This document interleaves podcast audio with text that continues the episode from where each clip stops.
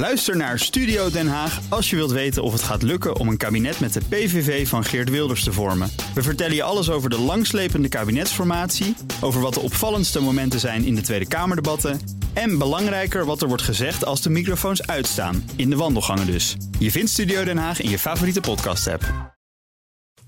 De column van Bernard Hammelburg.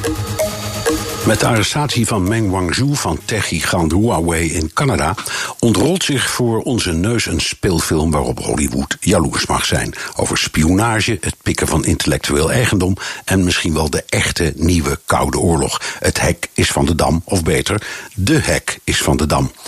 Mevrouw Meng is opgepakt op verdenking van het illegaal verkopen van hard- of software aan Iran. Amerika vraagt om uitlevering.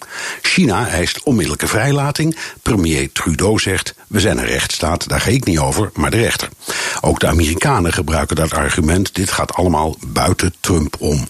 Wat ook maar een beetje is hoe het uitkomt. Onlangs eiste Trump van Turkije de vrijlating van een Amerikaanse dominee. Erdogan zei: daar ga ik niet over, maar de rechtbank. Maar die dominee was niettemin binnen de kortste keren terug in Amerika. Het kan dus verkeren. Dat het in een rechtsstaat zo hoort, staat buiten kijf. Maar dat de strategie van de arrestatie van mevrouw Meng niet uitvoerig in Ottawa en Washington is besproken, waag ik te betwijfelen.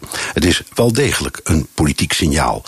De regering Obama en de regering Trump voerden al lang internationaal campagne tegen samenwerking met Chinese techreuzen. Australië en Nieuw-Zeeland hebben het inmiddels verboden, Groot-Brittannië gedeeltelijk, evenals Japan. Het argument: China zuigt onze kennis en communicatie op, spioneert zich suf en beïnvloedt onze handel, wandel en wie weet onze politiek. Ik heb geen idee of het waar is, maar ik denk eigenlijk van wel. We doen het allemaal.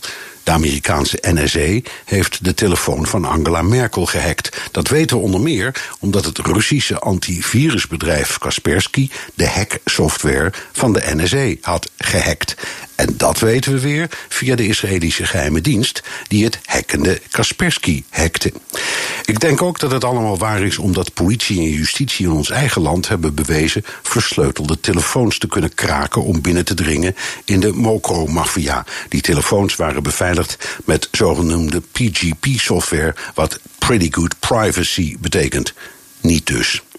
Ja, ik weet het. Dit zijn allemaal andere onderdelen van een heel gecompliceerd verhaal. Maar ik hou het even simpel. Canada en de VS hebben vast een punt. En als het aan mij lag, ging Huawei subiet op de zwarte lijst.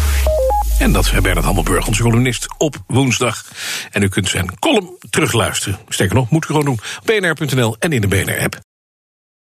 Ook Bas van Werven vind je in de BNR-app. Ja, je kunt live naar mij en Iwan luisteren tijdens de ochtendspits. Je krijgt een melding van Breaking News. En niet alleen onze podcast Ochtendnieuws, maar alle BNR-podcasts vind je in de app. Download nu de gratis BNR-app en blijf scherp.